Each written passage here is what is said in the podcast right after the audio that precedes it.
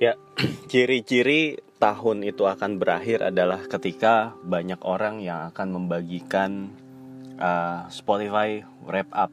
Ya, Spotify Wrap Up ini berupa statistik sih sebenarnya, statistik uh, lagu apa yang paling banyak lu dengerin, dari genre apa, band apa, gitu ya. Terus ya kalau dari podcast, podcast mana yang lu sering dengerin gitu. Dan gue cukup terkejut juga dan tentunya berterima kasih ketika ada beberapa teman-teman sekalian yang ngebagiin uh, bahwa K9 Podcast adalah salah satu podcast yang paling banyak teman-teman dengarkan gitu.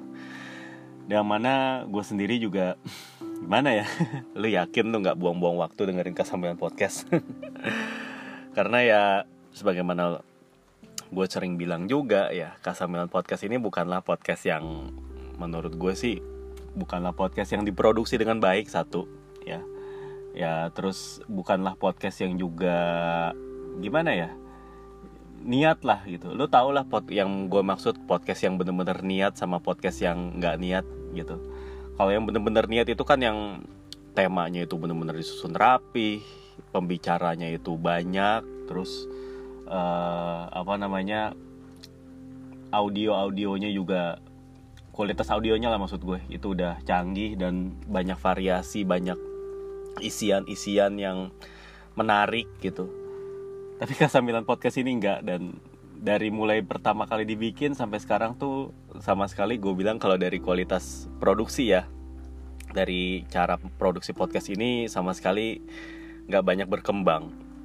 Justru malah gue bikin ini pakai handphone kalau mau tahu. Pakai handphone direkam dah gitu nggak kayak uh, podcast dari teman-teman lain yang lebih niat yang kedengeran lebih enak gitu yang emang bikinnya di studio yang proper bikinnya itu di konsep dengan matang ya dengan banyak strategi lah di balik itu semua gitu. Tapi kalau Kasamilan Podcast ini bener-bener podcast yang semaunya dan dan tanpa banyak apa ya tanpa banyak polesan dan segala macam ya apa adanya begini gitu. Jadi ya mohon maaf dan apa ya kalau emang buat teman-teman ngerasa ini sangat banyak kekurangannya ya gimana ya? Gue mau minta saran juga kerasanya ntar malah boro-boro bakal gue kerjain karena ya itu itu tadi gue bikin podcast ini cuman kayak buat ngisi waktu doang. Nggak yang gue khususkan untuk bikin gitu nggak gitu. Jadinya ini juga termasuk ngejawab pertanyaan beberapa teman yang sempat nanya juga gitu yang bilang atau nanya nanya bahwa kok nggak bikin YouTube nggak bikin channel YouTube? gitu ya. Itu jawabannya. Karena gue nggak nggak punya waktu dan gue nggak punya skill juga untuk ngedit gitu. Dan gue tuh bukan tipe orang yang pede gitu untuk memampangkan muka gue di depan kamera sebenarnya. Makanya kalau buat tem lo yang pada suka ngikutin podcast atau apa channel ngalcio juga gue kebanyakan itu pakai masker. Karena emang ya satu emang pandemi ya. Pandemi itu emang wajib masker ataupun face shield ataupun dua-duanya gitu. Gue ke mana-mana pakai masker kalau ketemu orang. Apa pun gue pakai masker. Walaupun orang lain itu pada nggak pakai masker misalnya gue tetap pakai masker. Terserah orang lain nggak gue pakai gitu. Tapi di lain sisi itu juga menguntungkan buat gue juga sih. Jujur kata ya. Karena e, dengan pakai masker gue jadi nggak perlu menampilkan seluruh wajah gue gitu. Karena ya itu tadi gue bilang gue tuh nggak pede untuk menampilkan wajah gitu. Gue nggak pede. Bukan karena apa-apa gitu ya. Karena emang gue pada dasarnya bukan seorang penampil gitu. Gue bukan seorang yang senang tampil senang maju ke depan ngomong di depan. Itu sebenarnya jadi apa jadi isu gue dari dulu sih dari zaman sekolah. Gue gue paling gak suka yang namanya kalau disuruh tampil suruh maju ke depan tuh gue paling gak suka banget. Suruh ngomong gitu di depan gak suka banget gue ya tapi kalau dengan adanya podcast dengan gue bisa ngomong tanpa kelihatan muka dan gue jadi bisa lebih nyaman gitu. Ya tapi kalau misalnya suruh bikin channel YouTube gue nampilin muka gue gitu apalagi selama bermenit-menit berpuluh-puluh menit ah kayaknya gue belum siap lah untuk itu ya gue bisa katakan aja gue belum siap. Gue nggak nggak akan menutup segala kemungkinan gitu. Tapi kalau untuk saat ini gue bisa bilang gue belum siap gitu. Karena ya kalaupun misalnya gue bikin channel YouTube gue pengennya sih yang semodelan Tivo Football gitu. Yang mana itu ada animasi-animasi keren ada running text ya.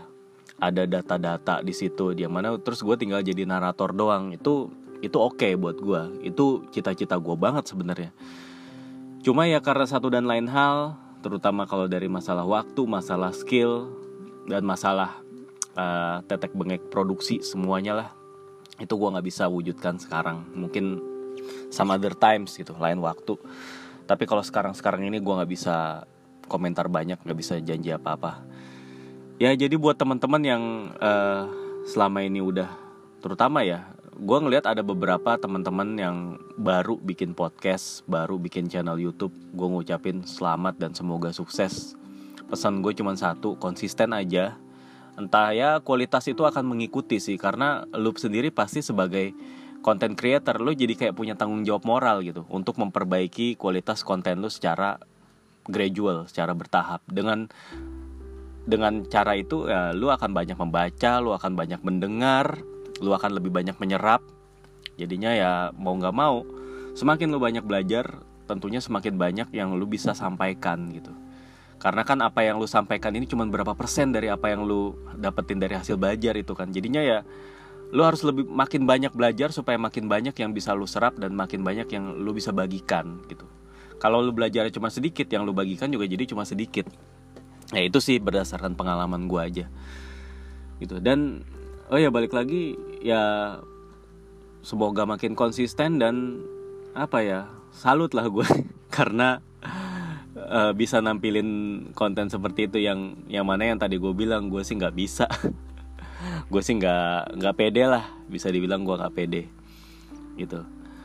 Yang tapi tahun ini gue seneng banyak lah banyak yang bisa bikin konten YouTube seperti itu ya konten podcast gitu. Ya jadinya ya pilihan untuk mendengarkan pilihan untuk mengonsumsi mengonsumsi karya jadi makin terbuka gitu makin banyak. Ya jadi buat teman-teman juga yang suka uh, dengerin podcast Liga Italia itu banyak ya. Sekarang kayaknya ada beberapa gitu yang ada di Spotify itu kayak contohnya yang uh, Tifosi Podcast itu udah pasti gue suka dengerin ya Bro Devin. Ya, terus ada San Siro Podcast ya. Terus ada Manditin Seri A ya.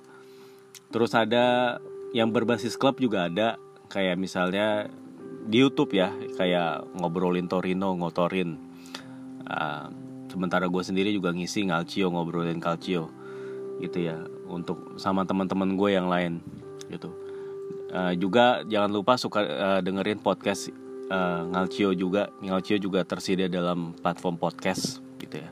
Dan untuk teman-teman yang juga pencinta FM Football Manager jangan lupa saksikan atau nonton terus uh, channel Sidelines mirip apa mil, milik sorry kok mirip sih? Milik temen gue si Romzi gitu ya. Itu banyak banget insight soal taktik di situ. Terus ada juga ya uh, channel-channel seperti uh, ruang taktik ya terus channel siapa lagi ya yang suka gue tonton kalau soal sepak bolanya? Banyak lah banyak banyak banget. Ya starting eleven itu kayaknya banyak banget ditonton orang tapi gue sendiri belum pernah nonton sih ya. Tapi kayaknya kelihatannya menarik sih dari angle yang mereka ambil dari judul-judulnya dari uh, thumbnailnya. Itu menarik sih kalau gue lihat. Walaupun gue belum sempat baca eh belum sempat untuk kayak ngeplay gitu belum belum sempat tapi bagus sih terus Savage Football itu gue pernah kolaborasi sama mereka. Itu juga mereka adalah sekumpulan anak-anak yang sangat-sangat bersemangat sangat-sangat uh, apa passionate ya dan salut gue. Mereka bisa bikin timnya banyak gitu. Dan tentunya teman gue Juve GL halo, halo Handi. Ya lu kenapa sih nggak pernah nongol lagi coy? Uh, ya akhirnya bikin channel YouTube juga yang mana itu bagus banget menghibur banget gitu. Dari sisi visual sangat menarik dari sisi audio juga. Lu kayaknya kayak suaranya tuh ala ala penyiar radio gitu. Itu itu dengerinnya enak banget sumpah. Bener gue nggak bohong coy. Gue nggak bohong. Gue harusnya banyak belajar sama lo kayaknya. Gitu ya. Terus siapa lagi ya? Uh, dan yang menyenangkannya adalah banyak yang gue kenal gitu. Banyak yang gue kenal yang akhirnya bikin konten dan banyak di antara mereka juga yang seperti gue ya yang tadinya bukan bukan siapa-siapa lah bukan seleb gitu bukan jurnalis bukan penulis bukan apa ya bukan sih ini lagi ya maksudnya bener-bener dari kalangan supporter gitu. Dari supporter biasa penggemar bola biasa yang tadi cuma nonton bola atau cuma suka nobar atau cuma suka nge-tweet akhirnya jadi bikin jadi ter tergugah gitu untuk bikin konten gitu. Yang mana itu bagus sih yang mana itu bagus ya. Itu karena lu bisa jadi saran untuk mengekspresikan diri bisa jadi untuk mengedukasi kayak untuk me mengeluarkan unek-unek macam-macam lah. Lu punya tujuan macam-macam gitu. Ada juga Spiltak teman-teman dari Spiltak yang udah sangat-sangat meramaikan Bundesliga gue juga pernah berkomuni apa berkolaborasi ya dengan teman-teman dari Spiltak mereka masih muda-muda tapi pengetahuan Bundesliga mereka tuh sangat-sangat dalam sangat luar biasa dan mereka ngikutin ngikutin banget. Dan mereka juga nggak ngikutin Bundesliga doang liga lain juga IPL mereka ngikutin Serie A juga sesekali mereka ngikutin gitu ya. Uh, terus ya teman-teman ya dari La Liga Loka ya itu emang karena gue ya gue kenal dengan uh, sosok di balik itu Bro Mahir ya. Ya itu emang temen gue dari dulu gitu. Dan pengetahuan tentang La Liganya nggak usah diragukan lagi karena beliau emang uh, selain dari kecil nontonnya La Liga juga pernah menetap di Spanyol selama beberapa tahun. Jadi beliau ini udah merasakan langsung ya atmosfer pertandingan. Nggak terhitung lah berapa pertandingan yang udah pernah disaksikan gitu jadinya ya insight tentang La Liga itu menurut gue di kalau di Indonesia ya sulit untuk menyamai dia gitu. Walaupun kalau secara fans jumlah fans mungkin penggemar La Liga itu hanya yang jadi penggemar Barcelona atau Real Madrid aja gitu ya. Tapi kalau Bung Mahir ini nggak cuma tahu itu doang. Dia bisa nunjukin bahwa La Liga itu bukan cuma Madrid dan Barcelona tapi kayak ada derby Andalusia itu menarik kayak Spanyol itu uh, ter, terdiri dari bagaimana ya pembagiannya? Pro, pro, uh, provinsi apalagi sih wah gitu gitulah gue itu sendiri gue nggak nggak paham lah ya. Secara kultural itu sangat sangat uh, bermanfaat. Kalau misalnya lu pengen tahu tentang La Liga lu dengerin podcast La Liga, La Liga Loka. Itu sangat sangat insightful ya. Dengerin deh gitu kalau podcast tentang Milan tadi ya San Siro podcast ya itu sering banget gue dengerin. Gue suka caranya ngebawain Mas Benny ya kalau nggak salah namanya. Ya itu uh, eh, gue suka lah caranya ngebawain dengan santai dengan apa dengan sudut pandangnya sebagai supporter gitu. Itu emang dapat banget gitu kalau menurut gue. Itu selalu gue dengerin setiap episodenya gitu Terus dulu pernah ada podcast Bincang Milan ya. Ya, itu dialog ya. Konsepnya dialog itu berdua. Gua nggak gue juga nggak kenal itu siapa-siapa aja tapi sebenarnya cukup sering gue dengerin waktu itu ya karena ya namanya ngedengerin obrolan itu kan lebih kadang-kadang lebih enak daripada monolog kayak gue ini kan monolog gitu ya. Kalau dialog itu bisa lebih hidup gitu. Dan menurut gue ya sayang aja mereka tuh cuman mereka tuh cuma sebentar kalau nggak salah udah udah jarang update lagi gitu ya. Ya itu sih beberapa podcast yang sering gue dengarkan gitu termasuk mungkin podcast podcast lain yang mohon maaf kalau gue lupa untuk nyebutin ya. Tapi kalau podcast podcast besar macam uh, box to box footballier ya gue saranin itu tetap lu dengerin juga gitu. Beberapa episode sangat sangat insightful sangat sangat banyak yang bisa lu ambil dari situ ya ter terutama kayak podcast football year ya itu dengan Bung Dex dan Bung Mildan itu mereka sangat-sangat in depth sangat-sangat uh, terkonsep dengan baik gitu. Dan secara konten sangat luar biasa. Gue suatu saat pengen banget berkolaborasi tapi ya mungkin untuk saat ini ya belum ada kesempatannya dan belum ada kepikiran mau ngomongin apa gitu. Karena uh, sepertinya Bung Dex dan Bung Mildan ini uh, apa ya walaupun kalau dari sisi pengetahuan bola secara umum tuh sangat luas gitu kalau ngomongin ya pengetahuan sepak bola Italinya juga ada lah pastinya ya. Tapi gue sendiri masih bingung gitu mau ngomongin apanya gitu.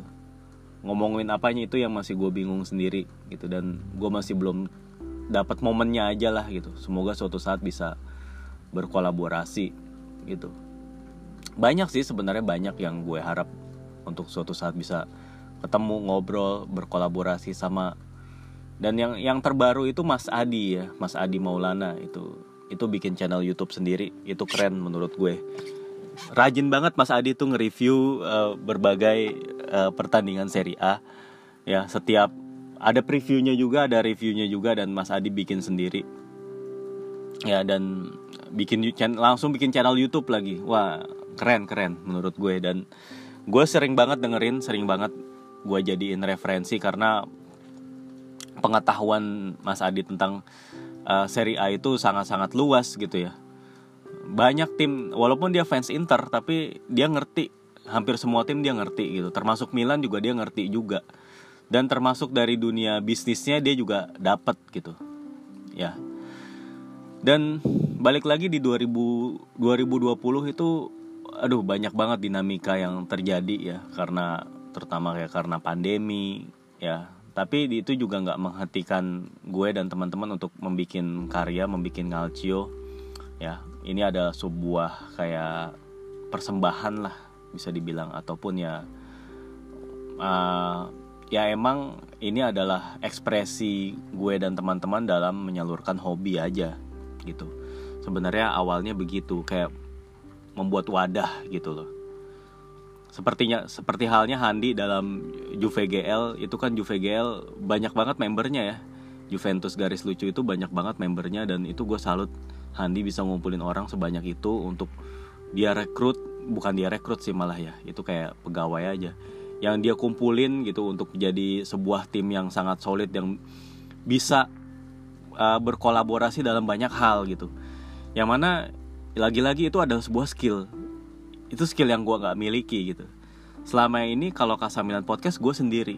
Gue bener-bener uh, solo fighter bener-bener uh, semuanya gue kerjain sendiri apa-apa sendiri. Kalau Handi bisa gitu. Dia punya resource dia punya teman-teman yang untuk bisa bikin kolaborasi gitu. Sehingga karyanya itu jadi lebih lebih ini aja lebih luas aja gitu. Lebih bermakna lebih dalam gitu nggak kayak mungkin kas kasamilan podcast yang gini-gini aja. Ya anyway kok ini malah jadi terlalu ngomongin 2020 dan ngomongin konten ya? Ngomongin Milannya kapan? Ya tentunya 2020 ini semua bukan something new lah ya yang gue omongin bahwa Milan itu selama 2020 outstanding banget sangat-sangat bagus ya. Seandainya liga itu kalian adalah uh, bentuknya itu kal tahun kalender gitu. Jadi ada pemenang liga tahun kalender itu Milan pasti menang gitu. Cuman sayangnya liga itu bukan tahun kalender tapi emang ada tahun ya kalender liga itu beda sendiri ya. Yang dimulainya tuh dari bulan Juli ke Juni gitu ya. Dan karena pandemi emang kebiasaan kita nonton bola gitu nonton Milan itu beda banget ya pernah ya dalam sejak Maret ya sejak liga itu uh, apa Italia di lockdown dan kompetisi dihentikan sementara itu berbulan-bulan gak nonton Milan. Tapi setelah itu dibuka itu kita berbulan-bulan nonton Milan berkali-kali gitu karena mainnya jadi 3 4 hari sekali jadi lebih sering nontonnya gitu.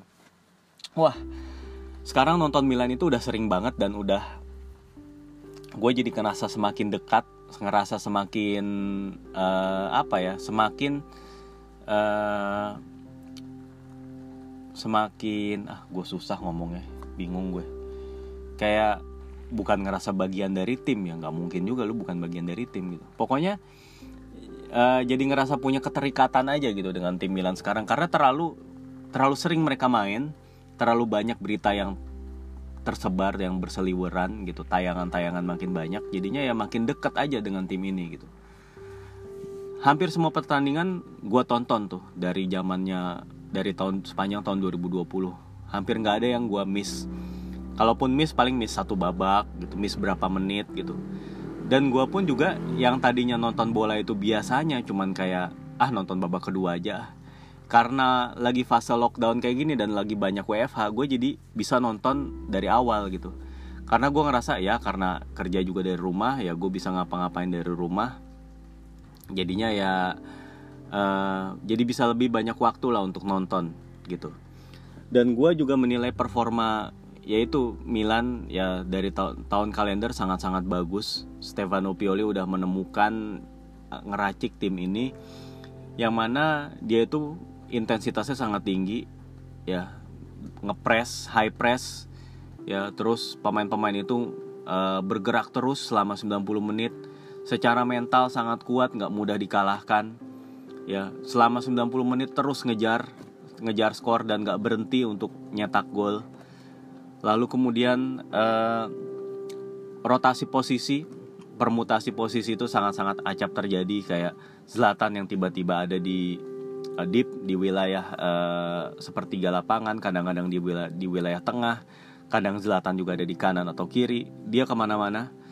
Makers juga kadang-kadang di tengah kadang-kadang di uh, kanan kadang-kadang ngebantu di kiri kadang-kadang ngebantuin back ya. Frank Kessie itu bener-bener daya jelajahnya tinggi banget. Kalau lagi bertahan dia bisa di kotak penalti. Kalau lagi nyerang dia di kotak penalti lawan. Dia bisa lari dengan ngebawa bola dengan cepat uh, Benacer apalagi dengan visinya yang makin tajam. Terus uh, lalu kemudian si Rebic ya dengan walaupun first touchnya itu buruk banget Rebic tapi dengan determinasinya dengan speed yang dia punya ya dengan uh, fighter wah pokoknya fighting lah permainan fighting yang dia tampilkan itu sangat-sangat berbahaya buat lawan. Leo dengan skill skillnya dan potensinya yang sangat-sangat besar. Tapi ya kalau nggak hati-hati bisa jadi kayak Niang gitu ya siapa lagi semua lah Hoge lah bahkan Samu Castillejo yang banyak banget di under appreciate sama fansnya sendiri. Menurut gue punya role yang sangat-sangat penting juga gitu loh. Dan squad Milan ini sangat-sangat kompak gitu. Rade Krunic yang juga sering banget dicela karena ya cuman first touch gitu-gitu doang gitu. Mainnya nggak banyak nusuk nggak banyak bikin gol dan bikin assist. Tapi mereka itu punya role dalam timnya Pioli gitu. Ya mungkin pemain itu akan pergi ya pemain di tim Pioli ini akan pergi kalau misalnya mereka seandainya kurang dapat kesempatan. Ya itu mungkin terjadi pada pemain seperti Andrea Conti yang jarang banget main walaupun udah sembuh. Terus uh, Leo Duarte. Leo Duarte juga walaupun udah sembuh jarang dimainin begitu juga Musakio. Ya tiga nama ini rasanya akan sulit menemukan tempat di Milan ya di Milan yang sekarang. Uh, begitu juga Antonio Donnarumma ya udah pasti cuman kiper ketiga juga dia. Tapi kalau pemain-pemain lain bahkan kayak siapa si Daniel Maldini dan Lorenzo Colombo itu punya role di, di tim ini gitu.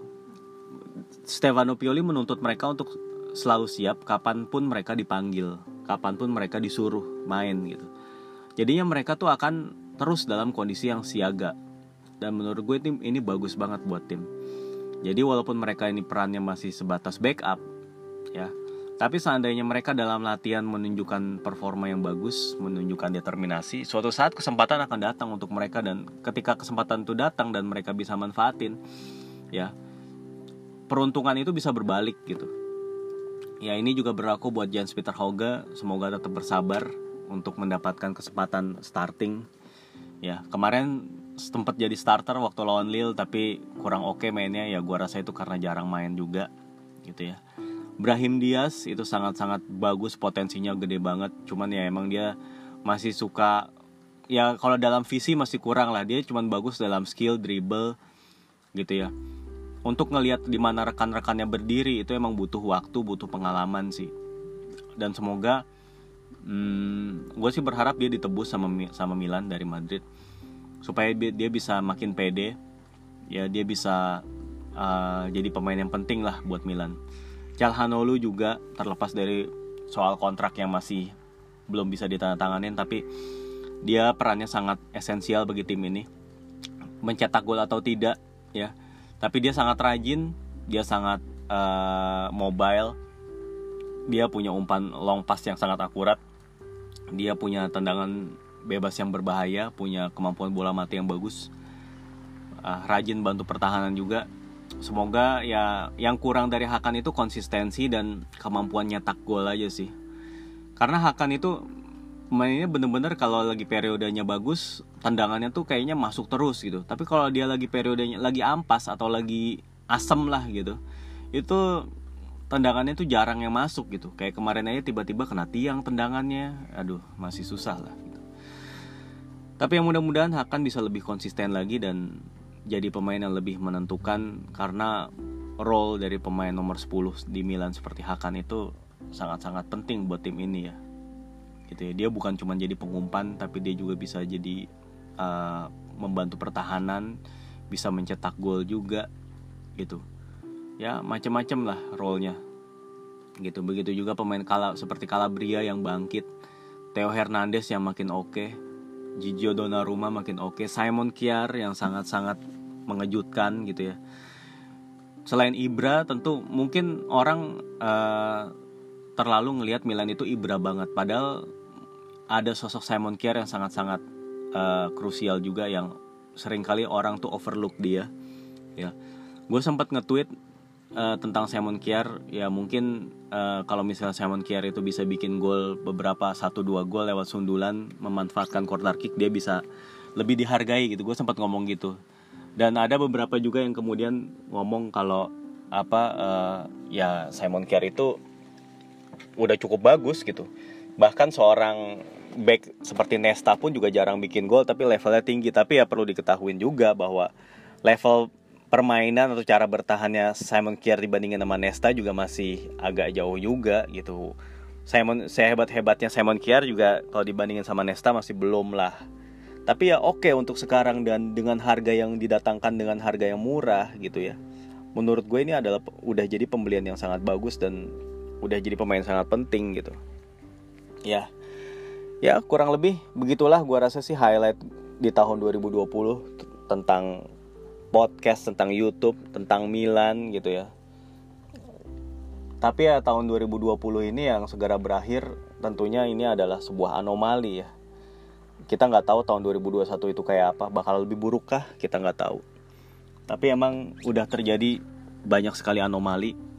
Ya kompetisi yang sempat di lockdown sekarang mainnya 4 3 atau 4 hari sekali. Terus ya pergantian pemain 5 itu hal-hal yang baru lah di dunia bola dan kita nggak tahu bisa jadi akan ada cycle baru klub pemenang.